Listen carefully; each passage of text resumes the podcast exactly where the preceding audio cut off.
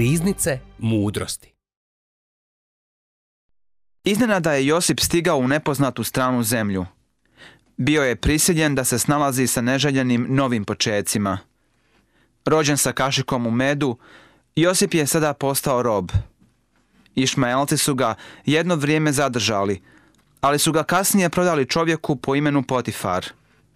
Potifar je bio egipćanin, visoki oficir faraonove armije – čovjek klase i prestiža.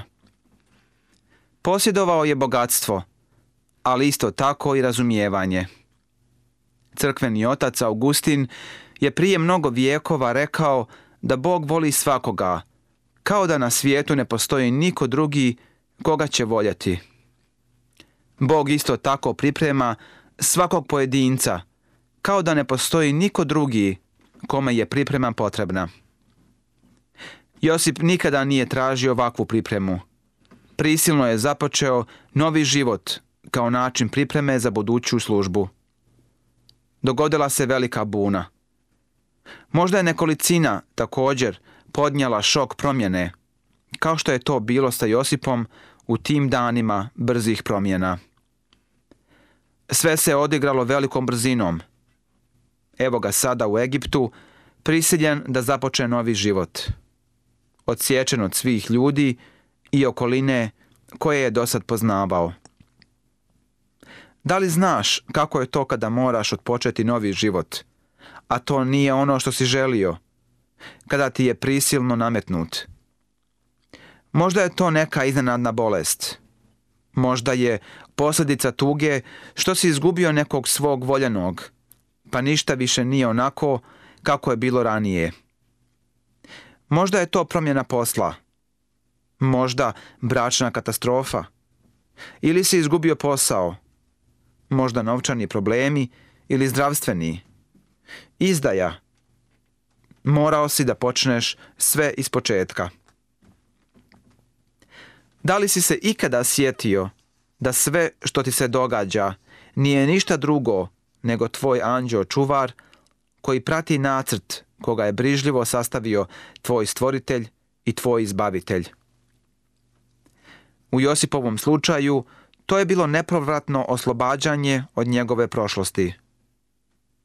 Nije mogao da se vrati. Ne bi mu koristilo čak ni da sanjari o nekom povratku. Sjediti i željeti. Svi mi s na vrijeme sanjarimo – ali uglavnom sanjarimo o nečemu što će se možda jednom ostvariti, pa makar u dalekoj budućnosti. Obično sanjarimo o nečemu što bi možda moglo da se ostvari. Josip nije mogao da sanjari o nekom povratku u Kanaan. Bog nam zapravo čini neizmjernu uslugu kada nas natjera da vidimo da jednostavno nema povratka ponekad dođe do zastoja, jer se još uvijek nekako nadamo nekom povratku.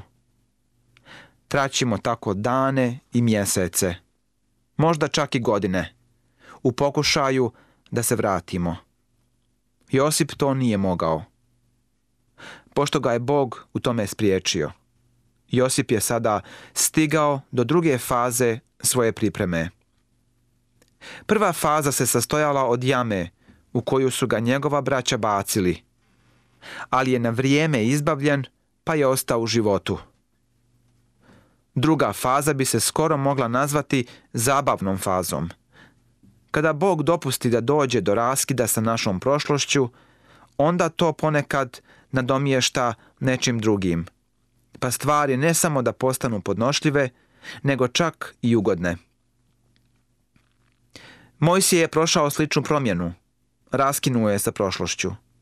Napustio je faraonov dvor, misleći da kada se bude poistovjetio sa svojom braćom, oni će mu se sigurno obradovati kada ga ugledaju. Ali nije ispalo tako.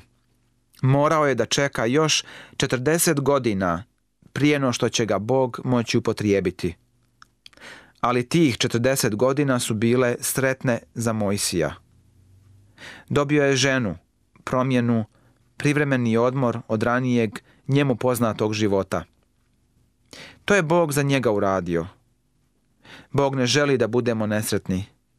Želi da od njega crpimo radost, ali i od njegove brige za nas. Bog to čini da bi nas ohrabrio da nastavimo. Bog je pomoću tri stvari učinio da život za Josipa bude podnošljiv. Prvo, Josip je imao mira od svojih neprijatelja. Prošao je teška vremena.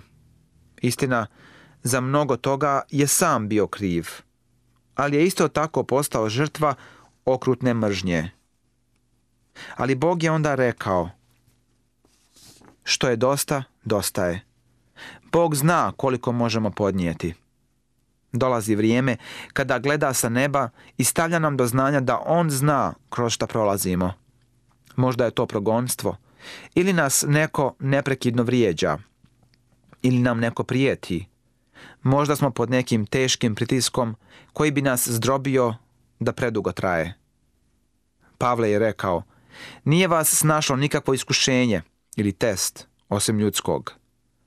Znači, i drugi su prije nas prošli sve ovo. Ponekad se čini, kada prolaziš kroz nešto, da si tada jedini u istoriji čovječanstva. Svi mi smo skloni da tako razmišljamo o sebi. Pavle, međutim, tvrdi da nije tako. Bog neće na nas pustiti ni jedno iskušenje koje niko drugi nije već proživio. A Bog je vjeran, neće dozvoliti da budete iskušani preko svojih snaga. Josipa su neprijatelji sada pustili na miru mogao je da živi oslobođen terora i ljubomore i mržnje koju je upoznao. Istina, nije baš bio presretan što je u Egiptu, ali bar nije morao da trpi nasilje. Drugo, što je učinilo njegovu situaciju podnošljivom, a to je ono najglavnije. Josip je bio u Božjem prisustvu. Gospod je bio s Josipom. Istina, i ranije je bio s njim – i ranije je Josip uživao u Božjoj prisutnosti. Međutim, možda tu prisutnost nije baš naročito osjećao. Ranije mu to i nije bilo toliko potrebno. Imao je svog oca kome se u svako doba mogao obratiti. Kada bi upao u neku nepriliku, nije se obraćao gospodu. Mnogi od nas nikada nisu došli do one tačke gdje nam je jedino gospod bio potreban. Jedini način kako ćemo ponekad doživljavati Božju prisutnost jeste da On izvuče čilim ispod naših nogu i da padnemo. Onda zavapimo njemu i možda prvi put u životu osjećat ćemo njegovo prisustvo. Bog to ne čini zato što se na te ljuti, ne zato što želi da vidi kako plačeš, nego zato što želi da ga osjetiš. Dokle god postoji neki otac ili neka majka, ili brat ili sestra, ili dobar prijatelj ili novac, ili posao ili kuća, ili što ti toliko znači da ti gospod i nije potreban, vjerovatno se i nećeš osloniti na gospoda. Kada Bog odabere nekoga za svoju misiju, onda će među Božje prioritete spadati sljedeće. Jedino ti Bog mora postati drag. Iz tog razloga nas primorava da prekidamo sa svojom prošlošću. Iz tog razloga presjeca veze između nas i naših roditelja, braće, sestara, domovine, da bismo možda po prvi put istinski znali kakav je Bog. Postoji još i nešto treće što je pomoglo Josipu da izdrži, da mu čak bude ugodno. On je napredovao u svojoj novoj karijeri. Za ovo postoji samo jedno objašnjenje. To je učinio Bog da bi ga ohrabrio. Da je Bog želio, doveo bi Josipa u Egipat i učinio da živi u prašini i bijedi. Nedaleko se nalazila neka tamnica u koju će Josip uskoro dospjeti, ali za ovo još nije bio spreman. Bog je to znao. Josipu je bilo potrebno vrijeme ohrabrenja, inače bi možda pao u očaj. Bog nas nikada ne demorališe, niti tjera u očaj.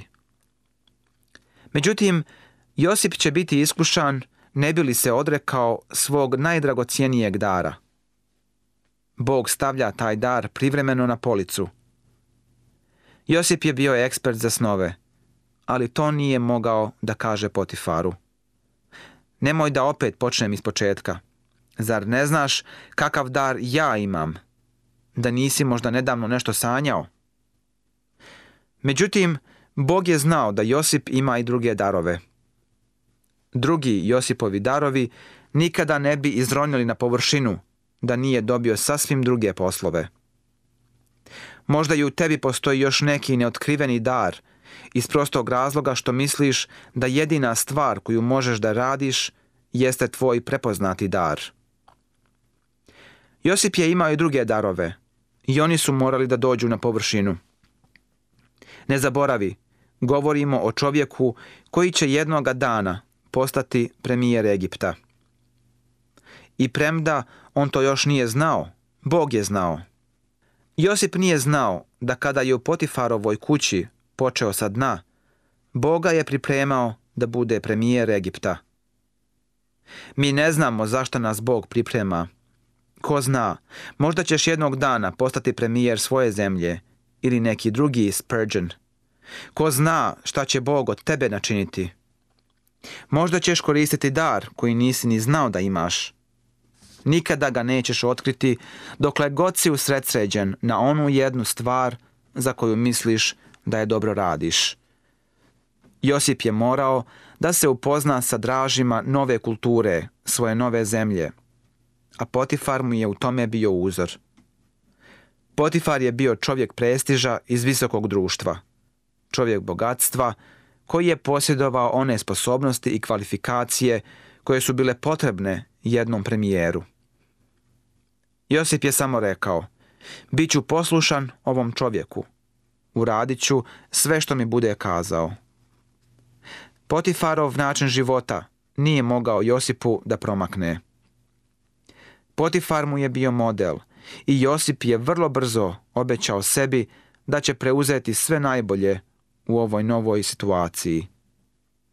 Važno je sjetiti se da je Josip počeo sa dna – Postanak 39.2 nam pokazuje da je Josip bio uzdignut u kući svog gospodara. Zamislite, živio je u glavnoj kući. Bilo je i koliba za robove daleko od gospodareve kuće. Čak šta više, Potifar je vidio da je Bog s njim. Ovo je krajnje zanimljivo. Drugi stih kaže da je gospod bio sa Josipom. Treći stih kaže vidje njegov gospodar da je gospod s njim. Govorimo ovdje o neznabožačkom Egipćaninu, koji je vidio da je gospod sa Josipom. Na hebrejskom jeziku postoje dvije riječi za gospoda. Jedna je Jahve, a druga je Adonai. Jahve je Božja posebna objava svog imena samo svom narodu jedan Egipćanin nije ništa znao o nekom Jahvi. Nikada nije čuo o Bogu na taj način. Ali čitamo da je Potifar, taj božački Egipćanin, znao da je Jahve sa Josipom. Kako to može biti? Pa postoji samo jedan način. Josip mu je rekao. Ne znam kako se dogodilo da je Josip svjedočio Potifaru. Možda se dogodilo u toku jednog razgovora ili kada je Potifar počeo da primjećuje da je Josip izvrstan u svemu što radi. Možda ga je Potifar pozvao na stranu i rekao Reci mi više o sebi. Eto u jednom trenutku je Josip govorio o svom Bogu. To je Potifara moglo da ozlojedi, ali nije, jer je Potifar primijetio da je Josip neobičan, što je privuklo njegovu pažnju. Možda mu se dopadalo, možda i ne, to što je čuo. Ali je pomislio, stvarno, zanima me to. Josip je bio prvi štovatelj istinitog Boga koji je živio u Egiptu. To znači da je Potifar obraćao naročitu pažnju na njega, da bi vidio kako živi neko ko je dao ovakvu izjavu. Trebalo bi ovdje da spomenem da postoji ispravan i pogrešan način kako da dočiš na poslu kada dođe čas da se objelodani tvoja kršćanska vjera, onda budi na oprezu. Neuredan, lijen kršćanin, bez vjednoće ili integriteta, može biti fatalan za svjedočanstvo o kršćanskom vjerovanju.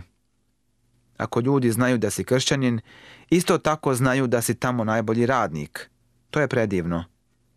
Da li će ustanoviti da je najlakše obhoditi se s tobom – ne samo da si ljubazan i prijatan, nego isto tako veoma vrijedan i savjestan.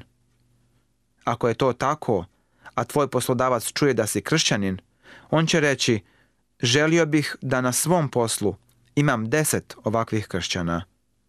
Eto, Josip je bio takav čovjek. Jedan pokazatelj da je gospod sa Josipom bio je način kako se prilagodio novoj sredini. Potifar je znao da ovakav način života nije lak za Josipa. Da nikad dosad nije morao teško da radi. Morao je to da osjeti kada je dotakao Josipove dlanove. Nisu bili grubi. Mogao je da vidi njegovo lice. Nije bilo opaljeno suncem. Očito, Josip nije živio teškim životom. Ali pogledajte Josifa sada. Morao je da počne sa dna i da se radom penje po društvenoj ljestvici. Mislim da je isto tako fe reći da je postojalo još jedno drugo objašnjenje za Josipov uspjeh. Isticao se djelimično zato jer je ovaj novi način života za njega značio relativno malo. Bio je nekako odvojen od onoga što je radio. U prvom redu bio je prevržen gospodu. Drugo, njegovo srce i njegove ambicije su bile negdje na drugom mjestu. Ljudi koji su previše privrženi svojoj sobstvenoj sredini ponekad nisu onoliko djelotvorni kako bi mogli da budu. Za Josipa Egipat nije značio ništa. Zbog toga se nije ni lično, niti emotivno toliko vezao, pa njegova borba nije postala kontraproduktivna. Imam prijatelja koji živi na Floridi, pastor Bruce Porter, divan, pobožan mlad čovjek. Započeo je tamo jednu crkvu, u privatnoj kući, sa 12 osoba. Sada mu zajednica broji preko 300 članova. Jednog ljeta sam tamo proveo nekoliko sedmica, a kada je došlo vrijeme mog odlaska, rekao sam Srećkoviću jedan, ja se moram vratiti u Englesku, a ti živiš okružen blagim lahorom, među palmama i kraj okeana gdje možeš pecati. On mirno odgovori. Ovo nije mjesto gdje bih volio da budem. Rađe bih bio u brdima Južne Karoline. Bio je smrtno ozbiljan dok je to govorio.